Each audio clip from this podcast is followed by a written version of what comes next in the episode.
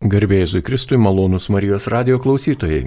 Šimet sueina šimtas metų nuo dar dabar naudojamo mišiolo į lietuvių kalbą vertėjo Naujojo testamento lietuviškojo leidimo redaktoriaus Marijono vienuolio kunigo Vaclovo Aliulio gimtadienio. Ir Minėdami šio žinomo Lietuvoje kunigo gimtadienį, kviečiame jūs pasiklausyti radio laidos, kurioje ir bus kalbama apie šį asmenį, bei kitus su juo susijusius Lietuvos istorijos, katalikų bažnyčios Lietuvoje ir mūsų kultūrinius įvykius. Taigi Vaclovo Aliulio gimtadienis 1921 m. kovo 14 d. Krikštėnų kaime Kariokalaukio valščiuje. Ir šioje laidoje maloniai sutiko dalyvauti Vilius Maslauskas, Mokslo akademijos choro paramos ir labdaros fondo direktorius bei humanitarinių mokslų daktaras Gediminas Mikelaitis. Jiems klausimus užduoda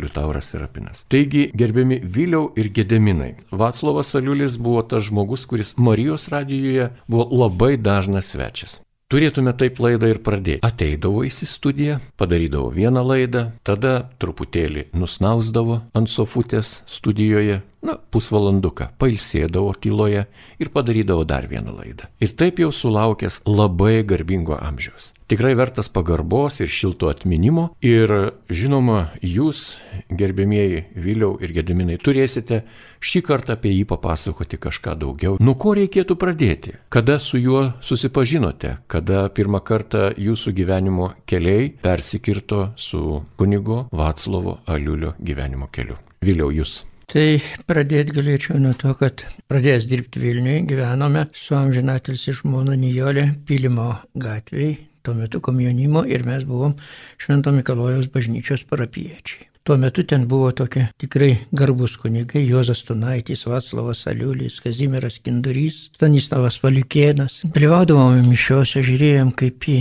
pakilėtus dvasininkus eiliniai tarybiniai inžinieriai iš sovietinio pasaulio, čia tokie aukšto lygio dvasininkai, taurų žmonės. Ir aš buvau mokslo akademijos choro pirmininkas ir mes 1987 m. lapkričio 29 d. buvom numatę Verkių rūmose paminėti Maironio 125 gimimo metą. 1987 lapkritis, 87 rūpiučio 23 garsusis mitingas prie Adomo Mickevičiaus paminklo, kunigo Stanislovo Valikėno mirtis. Ir įsidrasinau, žinodamas, kad jis, tėvas Vaclavas Aliulis, yra meno, literatūros, kalbos žmogus, įsidrasinau pakviesti į tą koncertą. Na, jis atvyko į tą koncertą su du, dviese su draugu. Nepaprastai buvo įspūdinga, tai jau buvo neįvardinta sąjūdžio pradžia, kas žinot, Verkių rūmus, tai buvo ta mažytė salė perpildyta ir visos prieigos. Kažkas tėvui Vaclavui Aliulį atnešė kėdę. Iš darbuotojų pažiniai, tai jis sėdėjo trečioji kėdė ir choras sakė, matė veidrodyje. Vat na ir po to prasidėjo tokia draugystė, kad aš jam pasisiūlydavau kokias nors paslaugas, tai paprasčiausiai kur nors nuvežti į susitikimą. Tai va štai tokia buvo sovietmečių mūsų, nu dar sovietmečių mūsų pradžia pažinties. Ačiū gerbiamas Vėliau, dabar kreipiuosi į Gediminą Mikelaitį, o jūs kaip susipažinote su tėvu Vaclavu Aliuliu? Mano pažintis su tėvu Vaclavu prasidėjo atgimimo laikotarpiu, kai pradėjome leisti Lietuvoje atnaujintą naujo žydinio aidų žurnalą ir teko kuniga Vatslavą lankyti, kai jis gyveno pavasario gatvėje pas seselės vienuolės, kreiptis dėl įvairių tekstų, pasitarti dėl redagavimo klausimų, įvairių bažnytinės terminijos realijų. Na, kuningas Vatslavas visada padėdavo tuos klausimus išnarplioti, visada turėdavo atsakymus ir stebino savo erudicija ir paprastumu ir draugiškumu. Ir paskui jau kažkaip jo ta charizma ar jo asmenybės trauka faktiškai nepaleido manęs iki pat jo gyvenimo pabaigos.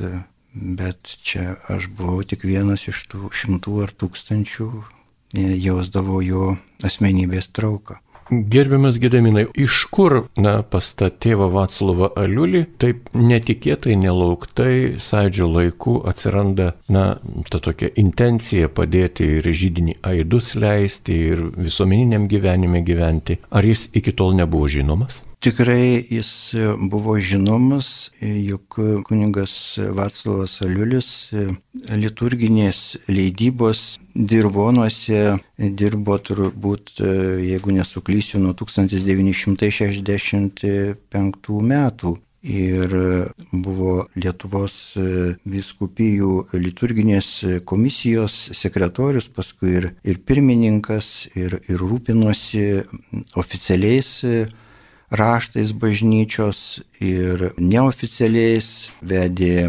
įvairias rekolekcijas seselėms vienuoliams ir e, aktyviai dalyvavo pogrindžio kunigų seminarijos veikloje ir ten dėstė ir įvairius vadovėlius rašė, o paskui e, buvo vienas pagrindinių redaktorių katalikų kalendoriaus žinino, kuris dar sovietiniais laikais buvo pradėtas leisti. Ir čia tikrai jau didelis nuopelnas, kad sovietinė valdžia vis dėlto leido tokį leisti ir kiekvienais metais artėjant atgimimui tie kalendorių numeriai darėsi vis e, turiningesni, vis e, didesni, platesni ir traukdavo tikrai klasikus e, vakarų teologijos ir filosofijos ir, ir, ir, ir poezijos ir literatūros ir kitus tekstus. Taip kad tėvo Vaclavo tokia veikla tikrai jau turėjo, turėjo tarsi tesinį. Gerbiamas Gedeminai, paminėjote katalikų žinyną. Jis iki šiol yra leidžiamas, patį leidinį platina katalikų pasaulio leidinių akcinė bendrovė ir tas dokumentas yra tikrai labai svarbus, jame randame, tie, kurie dirba bažnyčioje, randame visus reikalingus sąrašus, o tais sovietiniais laikais, okupacijos metu į šį žinyną būdavo įdedama ir daugiau medžiagos. Buvo ir pamokslėlė ir ką kita. Gal jums yra žinoma, kaip tas žinynas atsirado, kokia yra jo kilmė? Ar čia yra tik kunigo Vaclovo Aliulio toks užmojais ar daugiau, galbūt apie tai žino ir Vilius ką. Mes tik tai daug kartų su tėvu Vaclavu jau čia prasidėjus nebepriklausomybei. Važinėjome iki Šedoris į leidyklą, į Marijampolę, į Kauną, į Marijonų, reiškia, tas pavadinus, reiškia, centrus Nu taip, reiškia leidybos klausimais. Aš tik tai šitos daug, daugybę kartų, kai jis gyveno pavasario gatvėje, tai čia taip sunku net pasakyti, kiek ten tų buvo organizacinių. Pagaliaugi jis taip pat čia į sovietmečių, jeigu grįžtant, vienuoliai Marijonai buvo tie iniciatoriai ir turbūt ir apie ką jis daug ir nekalbėjo, bet ir jis buvo vienas ne tik tai Pranas Račiūnas iniciatoriai pogrindinės kunigų seminarijos. Aliulis tikrai buvo vienas iš pirmųjų, kuris organizavo kursus tikybos mokytoje nebuvo dar sutarties su pedagoginiu universitetu, pedagoginiu tada gal. Ir negalėjo būti. Jo dar institutu, o jis organizavo kursus. Mano amžinatis žmona buvo viena iš pirmųjų tų lankytojų ir iš projektuotojas inžinierės tapo tapo, reiškia, tikybos mokytoja ir diplomas tų kursų, taip vadinkim, puikiausiai tiko, kad visos mokyklos priimtų taip paruoštus krikščioniškosios etikos mokytojus. Dar apie katalikų žinyną šiek tiek. Kada tėvas Vaclovas Aliulis stojo prie darbų, kurie yra susijęs su katalikų žinynu, jums nežinoma.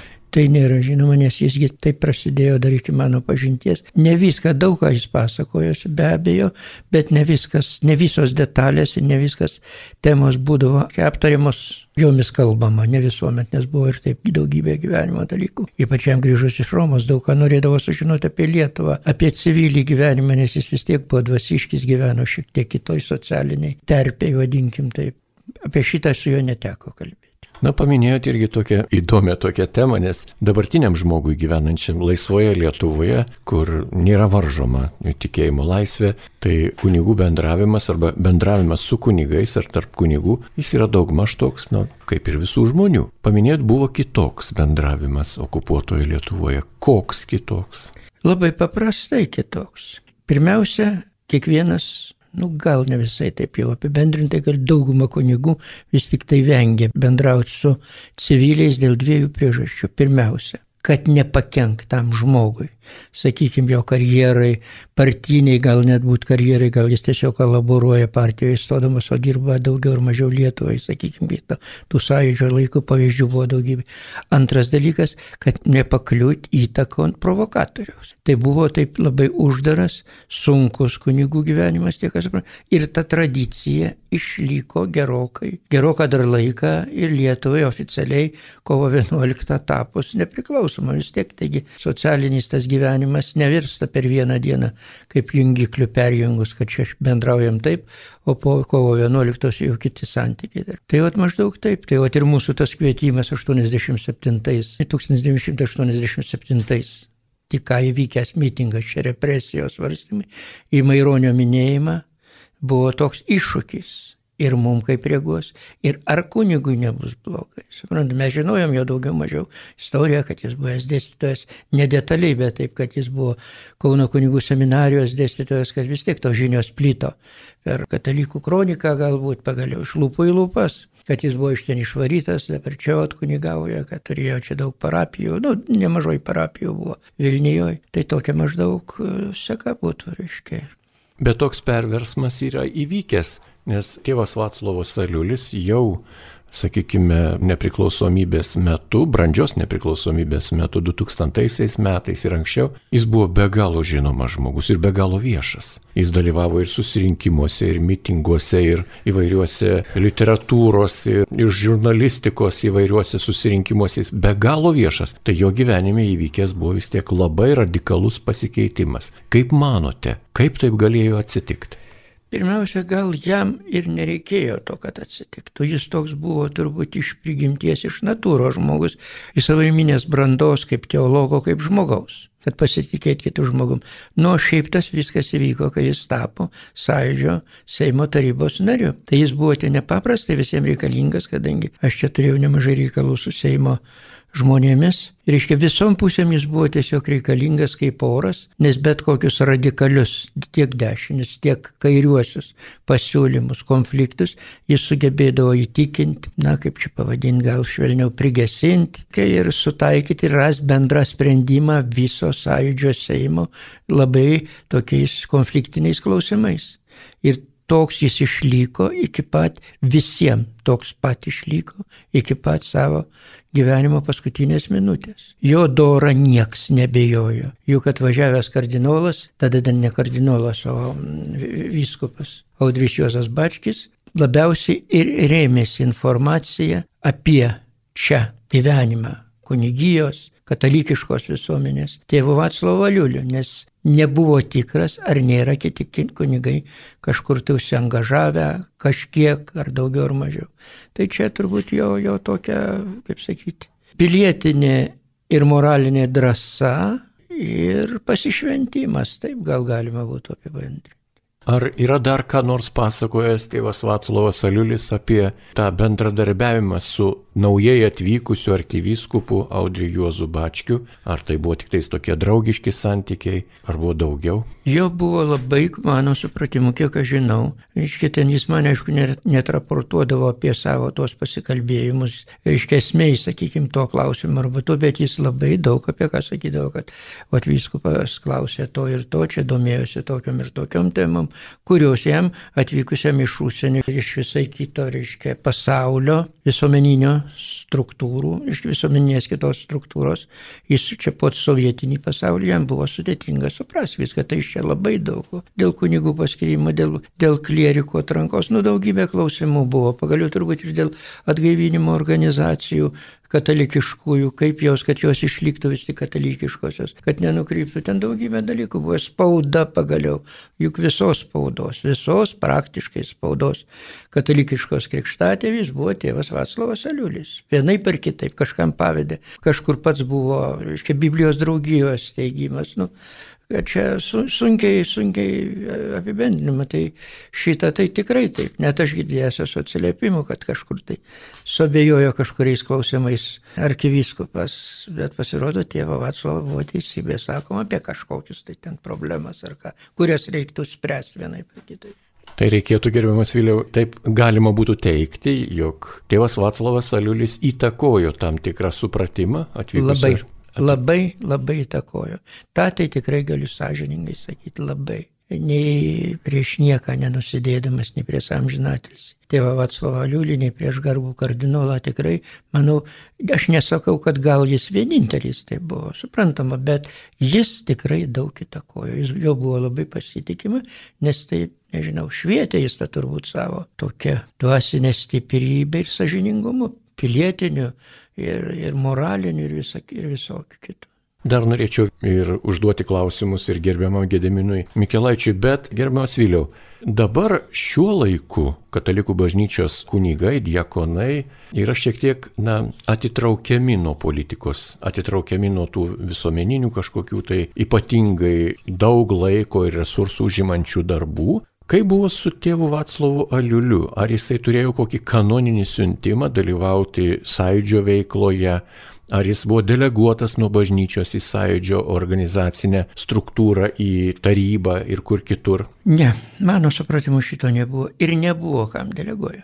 Kaip čia išeina į ską? Ir jį tiesiog pakvietė, nu kaip, nu kaip susirinko, kodėl tapo, sakykime, ten, nežinau, nu bet ką, paimkim, Justinas Marcinkievičius, kodėl tapo, ar ten, nežinau, bet kurį minėkim. Na, turėjo kaip, didžiulį populiarumą. Kas sakykim. turėjo populiarumą, buvo vienu ar kitų žmonių kviečiama prisidėti. O jis buvo vis tiek jau žinomas žmogus. Juk buvo leidžiami liturginis maldinas, čia jis aišku beveik nesirodė, bet jis kaip toks buvo bent užsienio, užsienio diasporai mūsų. Reiškia, buvo žinoma jo šitą visą ir, ir, ir jis buvo kviečiamas. Pagaliau turbūt buvo vis tik tai žinomas ir jo nepaprastai tolerantiškas bet kokiam pažiūrom charakteris. Žinot, šiais laikais žodis tolerancija įgauna visiškai kitą prasme. Mes šitoj vietoj turim būti labai tokie išmintingi ir sumanus. Taip? Tolerancija tai išklausyti ir bandyti suprasti jo buvo toks. Taip, taip, gerbiamas vėliau, taip. ja, išklausyti ir bandyti jį suprasti. Nebūtinai priimti jo teiginius.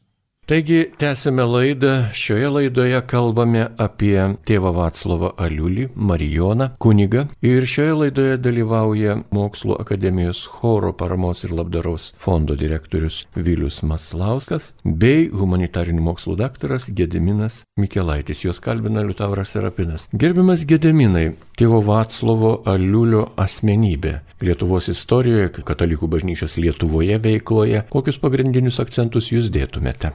Na, iš tikrųjų tai sudėtinga būtų apriepti visus sunkiai apriepiamus kunigo Vaclavo Liulio veiklos barus ir darbus, kuriuose jis paliko ryškius įspaudus. Jau čia minėjome, kad buvo ir Lietuvos sąjūdžio Seimų tarybos narys ir ateitininkų federacijos atsikūrimo vienas iš vadovų ir dvasios vadas, E, pagaliau žurnalų ir leidyklos Katalikų pasaulis teigėjas ir direktorius ir žurnalų Katalikų pasaulis vyriausiasis redaktorius, Lietuvos Biblijos draugijos steigimo vienas iniciatorių ir jos prezidentas ir kokiu tik organizacijų nebuvo jisai, Lietuvos žurnalistų draugijos narys, prisidėjęs prie jos kūrimo ir net vienas Katalikų blaivybės sąjūdžio organizatorių.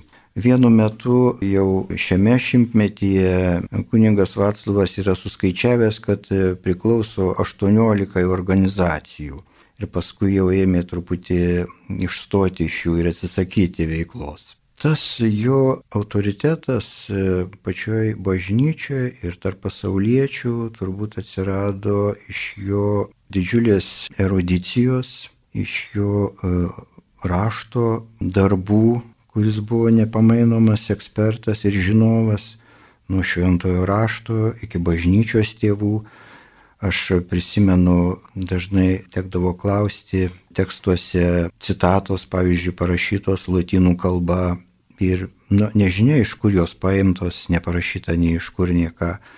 Ir nekartą parodžius kunigui Vaclavui, jisai identifikuodavo, nustatydavo, iš, kur, iš bažny, kur, kurio bažnyčios tėvo ar kažkokio kito latinų kalbą rašusio teologo tai yra, dar kartais pasitikslindavo ir dažniausiai tiksliai nustatydavo ir, ir galėdavo dar ir, ir, ir pataisyti lūtinų kalbą, jeigu blogai būdavo parašytas. Tai vienas jo veiklos baras, o kitas tai yra, sakyčiau, po pačio antrojo Vatikano susirinkimo atsiradęs tas santykis glaudesnis e, su pasauliečiais, e, dvasininkų kunigų. Tai, ką, pavyzdžiui, Šeivijoje darė garsus išėvijos kunigas Stasys Įla, bendra apaštalavo individualiai, kalbėjosi tiesiogiai su žmonėmis, jiems rūpimais klausimais, jiems rūpimams temomis, padėdavo įvairiomis kultūros sritimis ir diskutuoti ir aptarti.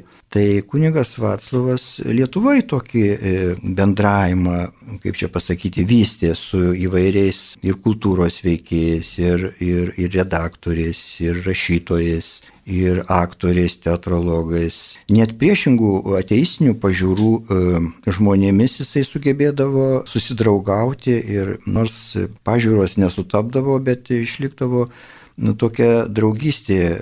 Čia net toks kuriozinis atvejis galima paminėti, kaip 1989 e, metais e, kuniga Vaclova pakvietė į Maskvą į tokią konferenciją. Maskvoje žurnalo Komunist redakcijoje vyko tokia konferencija pavadinta Visuomenės humanizacija ir sąžinės laisvė. Kuningas Vaclavas ten vyko diskutuoti su su arkivyskupu Kirilu, paskui Rusijos stačiatikių patriarchu, su įvairiais filosofais ir net aukšto rango komunistų veikėjais, pavyzdžiui, su garsiuoju perestroikos veikėju Aleksandru Jakovlevu. Tai dalyvavo jis ir kitur, pavyzdžiui, čia etikos draugija buvo atsikūrusi atgimimo laikais.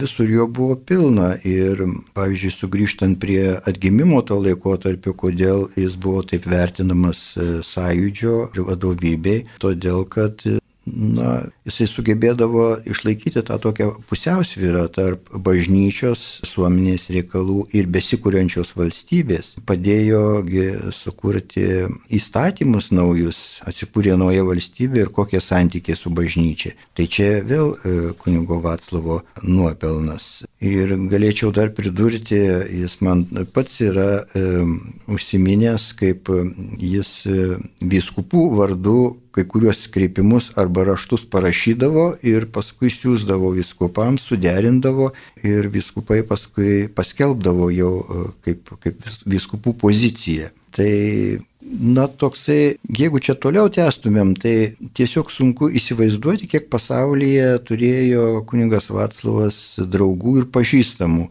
Aš kartais e, norėdavau nustebinti ir paminėti kokį nors žmogų, štai ar jūs tą žinote.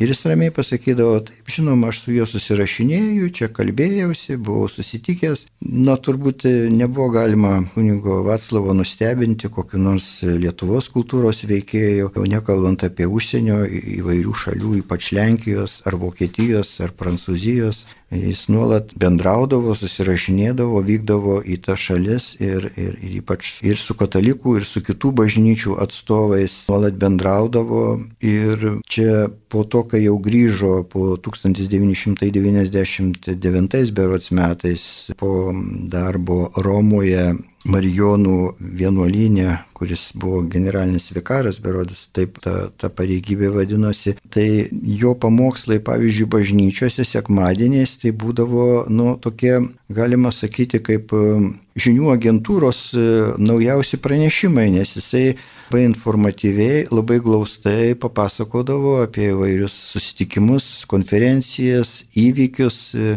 dar pridėdavo kokį nors šmaikštų lakų žodį, pajokaudavo ir tik paskui jau e, po savaitės kitos pasirodydavo kur nors žiniasklaidoje tas jau jo kelionės įspūdžių straipsnelis ar rašinys. Prašau, jeigu galima pridedant prie Liulio veiklos, jis dalyvavo rengiant Lietuvos konstituciją. Tas turbūt mažai žinoma. Ir nuotrauka su konstitucijos rengėjais, Seimo konstitucijos kabo šiandien, tebe kabo šiandien, matyt, daug metų bus. Ir kai 2010 metus vyko Seime konferencija apie šeimą, apie konstituciją ir tuo metu jau, man atrodo, buvo ta išplečianti šeimos savoka konstituciniai dvasiai. Tai Aliulis tada pasisakė, mes, kai kūrėm tą konstituciją, niekom net mintis nekylo, kad reikia įrašyti, kad šeima tai yra vyro ir moters sąjunga. Tai va tokioj dvasiai buvo kūriama konstitucija,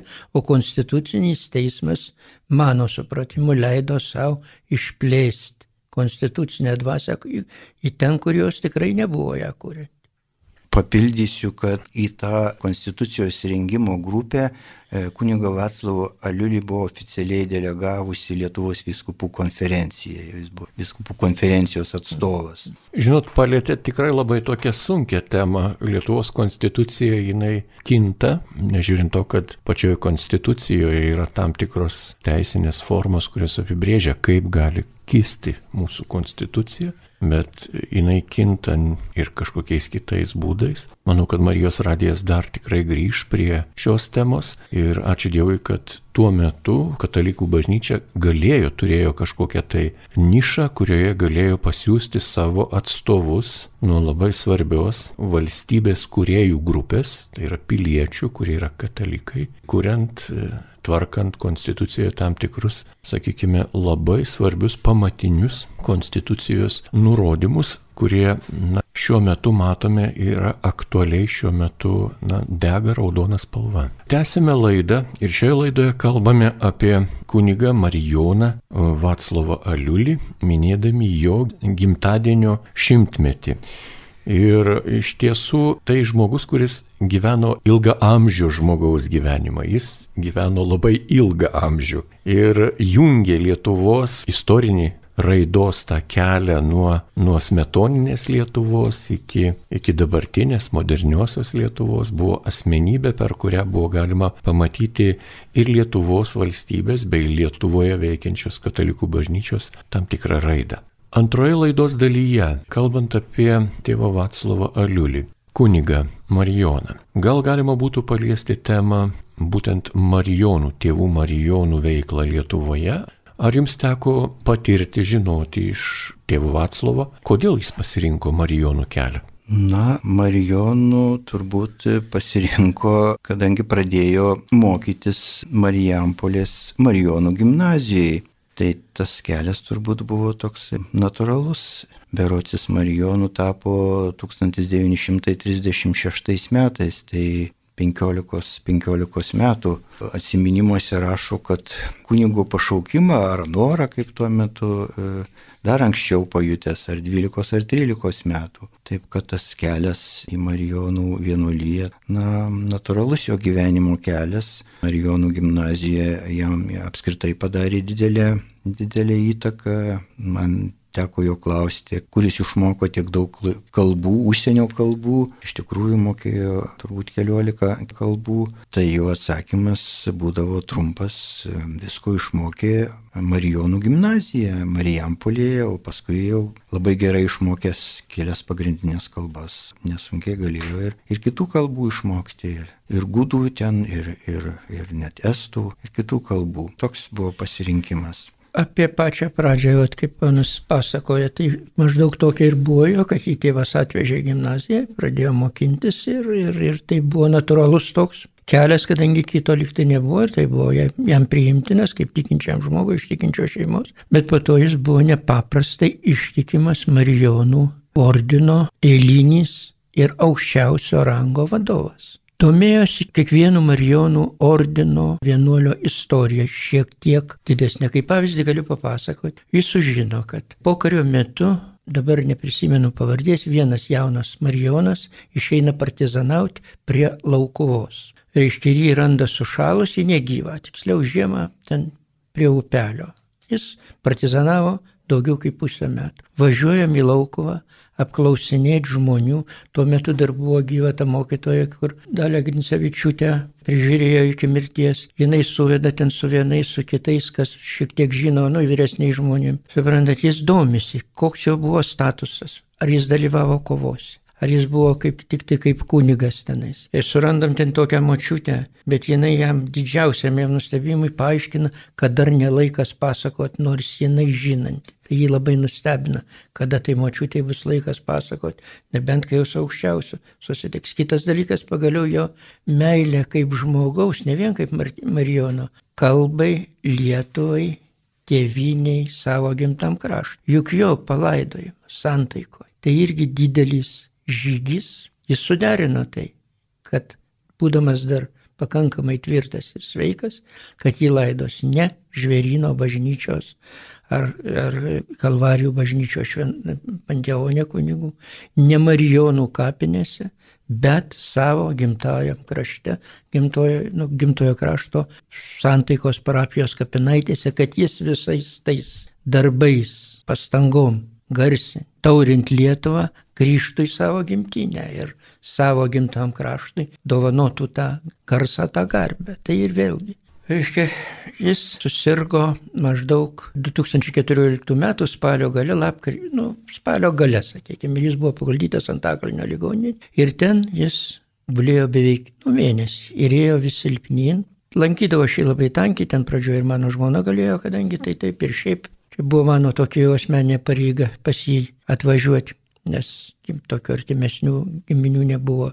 Pradžioje dar jis svajojo, kad reiškia, ar aš galėsiu grįžęs dirbti, nes būdamas ligoniniai, būdamas ligoniniai, sunkus gulintis ligonis, jis sugeba baigti redaguoti, suderina nuotraukas knygai apie Račiūną, su savo, ten kur nuotraukas jam rengė tokių jaunų vyrukų, kurios nuotraukos kaip suredaguoti. Lapkričio 29 dieną jau ilgiau jo nebegali laikyti ligoniniai pagal visus tas normatyvas ir tai ten formindavo vieną skyrių, kitą skyrių, nes ten per dešimt dienų.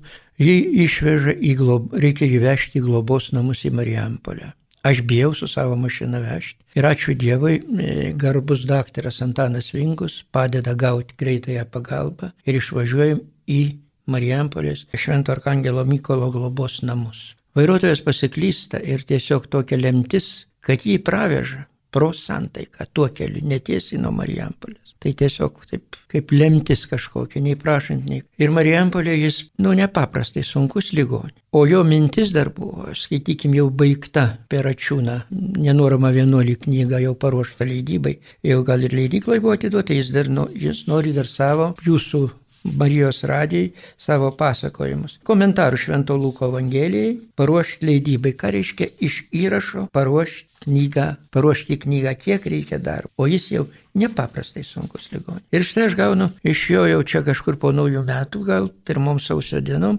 užvažiuok jų vienuolyną ir paimsi man knygų. Man klebonas Paidokas du didžiulius maišus tokius maksimos prikrauna knygų. Pagalvojau, kad na kągi nori kuo daugiau atiduoti tėvui Vaclavui Aliulį, kol jis ten šioje žemėje. Ir ten nuvežu šitas knygas, jis šiek tiek atsigavęs, sėdi vežimėlį, aš imu knygas, jis kiekvieną komentuoja. Ten yra toks puikiai išverstas iš hebrajų į vokiečių kalbą žodis. Ten yra toks visos knygos, jos užsakytos, reikalingos šitam, šitam reiškia, nuo Romos iki Betlėjaus knygai apie, su Šventu Luku Ir jis tą padaro. Tai yra nesuvokiam. Žmogus, būdamas, taip sakykime, prie mirties. Bet čia vėlgi tokios, kada jis buvo Romoje, reiškia, mano amžinatilsi žmona susirašinėjo su Česlavu Kavaliausku kunigu. Ir staiga jis sužino, kad Česlavas Kavaliauskas sunkiai serga. Mes sekmadienį po mišių nuvažiuojame į Vievį, ten globos namai tie tokiam vaikų darželį, reiškia, ir randam jį, aš nieko negaliu pasako aš mirštu. Kunigė palaiminkite, mes suklopėm, jis palaimino. Tai sekmadienį. Antradienį grįžta tėvelis iš Romos, aš jį pasitinku jam pasakau šitą naujieną, kad va taip ir taip yra su Česlavu Kavaliausku. Sako, palauk, ar palauk, ar atvažiuok už valandos, nebepamenudama. Ir mes važiuojam į Vievį. Nuvežu jį, aišku, neinu, jie du kunigai tegu bendrauja. Ir tas mirštant, tai buvo antradienį, Česlavas Kavaliauskas mirė ketvirtadienį. Jie kalbasi apie valandą. Išėjęs tėvelis taip kaip jis sugeba ir šiek tiek artistiškai, įsivaizduoji, mane pusę valandos Kavaliauskas barė, kaip mes Marijonai nemokam garbinti Marijos. Tai vad ir tokio, tokia pat dvasia stiprybė jis paruošė šitą knygą, kur jau išėjo gerokai po jo mirties. Apie Švento Luko komentarus per Marijos radiją. Ačiū už priminimą jo paskutinių dienų, iš tikrųjų nepaprastas žmogus, nepaprastas jo likimas. Gerbiamas Gedeminai, laidos pabaigai yra na, liaudė likę tokie, tam tikri tokie, na, posakiai. Vat tėvas Vaclavas tai yra bažnyčios ambasadorius Lietuvoje. Ar tikrai? Na, iš tikrųjų galima taip vadinti kuniga Vaclavą Liulį kaip bažnyčios ambasadorių, neoficialų, niekieno nepaskirta, neįpareigota oficialiai bažnyčios, bet atstovavusio bažnyčios mokymui, pagaliau išreiškusio visos bažnyčios labai išvalgiai, labai išmintingai bažnyčios poziciją, bažnyčios nuostatas ir buvusių tokių, na, pirmievių, galima sakyti, nustatant bažnyčios santykius su atsikūrusia valstybė, su įvairiomis sritimis laužusių, galima sakyti, na, tuos ledus sovietmečio ir, ir mūsų gyvenimo sustingimo ir žurnalistikoje, ir įvairiuose kultūros srityse, bendraujant su rašytojais, su menininkais. Jo tas poveikis toksai buvo, su politikais pagaliau jo tas poveikis buvo netiesioginis, jis niekada nepirždavo savo nuomonės ir neragindavo nei melstis, nei eiti į bažnyčią tiesiogiai.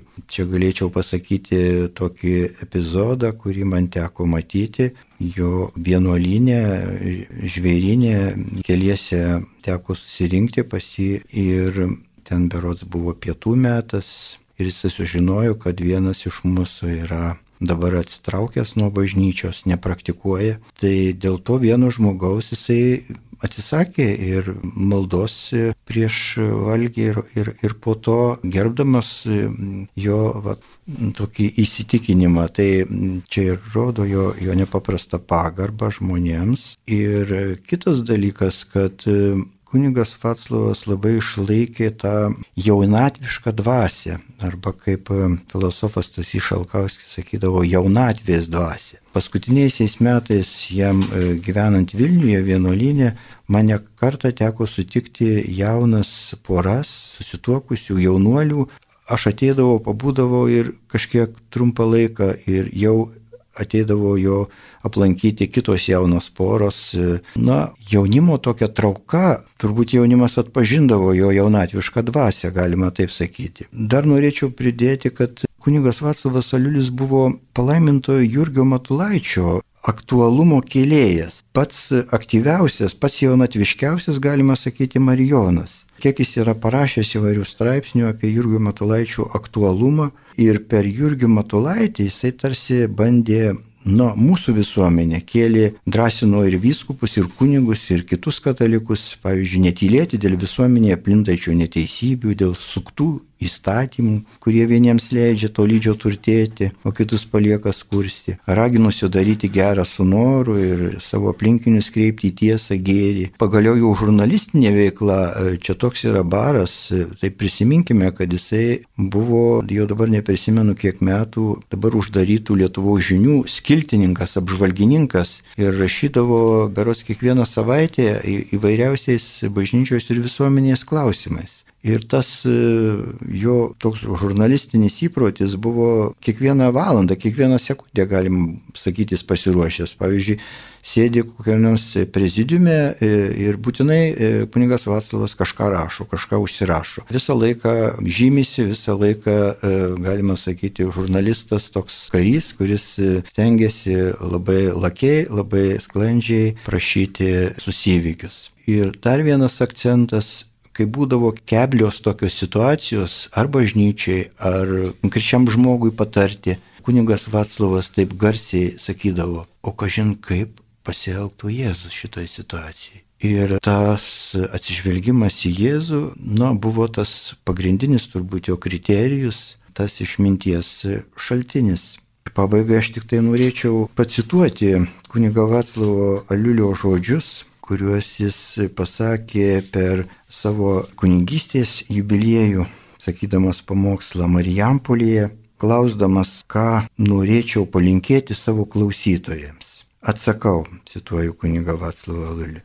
maldos dvasios. Būtinai kas rytas ir kas vakaras gerai minutėje susikaupti ir sąmoningai pasikalbėti su mus mylinčiu Jėzumi. Melsti, kad ne jis vykdytų visus mūsų norus, bet kad mes pamėgtume ir mokėtume su meiliai vykdyti jo šventus norus. Jei tikrai nuoširdžiai tai darysite, į jūsų gyvenimą ateis daug gerų dalykų. Taip kad kunigo Vaclavo ir intelektualinis, ir visuomeninis, ir dvasinis palikimas Na ir mus kviečia gilintis į jo paliktus įspaudos ir ragina veikti.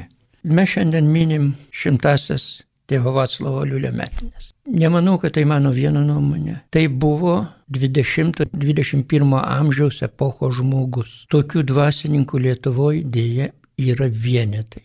Yra jų be abejo, dabar neminėsim. O štai dar pabaigai norėčiau pasakyti jums to žodžius, kuriuos pasakė minint jo mirties keturnedėlį šventose mišiose, kurios buvo aukojamos Vilnius Bernardinų bažnyčioje. Tėvo Vaclovo nėra. Tačiau šventųjų mišių metu mes girdime jo žodžius, savokas, sakinius, jo mintis ir juos girdėsime dar daug metų, nes mišes aukojame iš jo paruošto mišiolo ir šitos jo mintys, savokos suvokimai dar ilgai matyt skambės, galbūt ir dar daugiau laidų sulauksim. Ačiū Jums labai. Malonus Marijos radio klausytojai, jūs girdėjote laidą, kurioje minėjome šimtmetį gimimo kunigo Vaclavo Aliulio, Marijono, iki šiol naudojamo mišiolo lietuvių kalba vertėjo ir Naujojo testamento lietuviškojo leidimo redaktoriaus. Ir šioje laidoje dalyvavo Vilius Maslauskas, ir Gediminas Mikelaitis. Juos kalbino Liutauras Serapinas. Likite su Marijos radiju.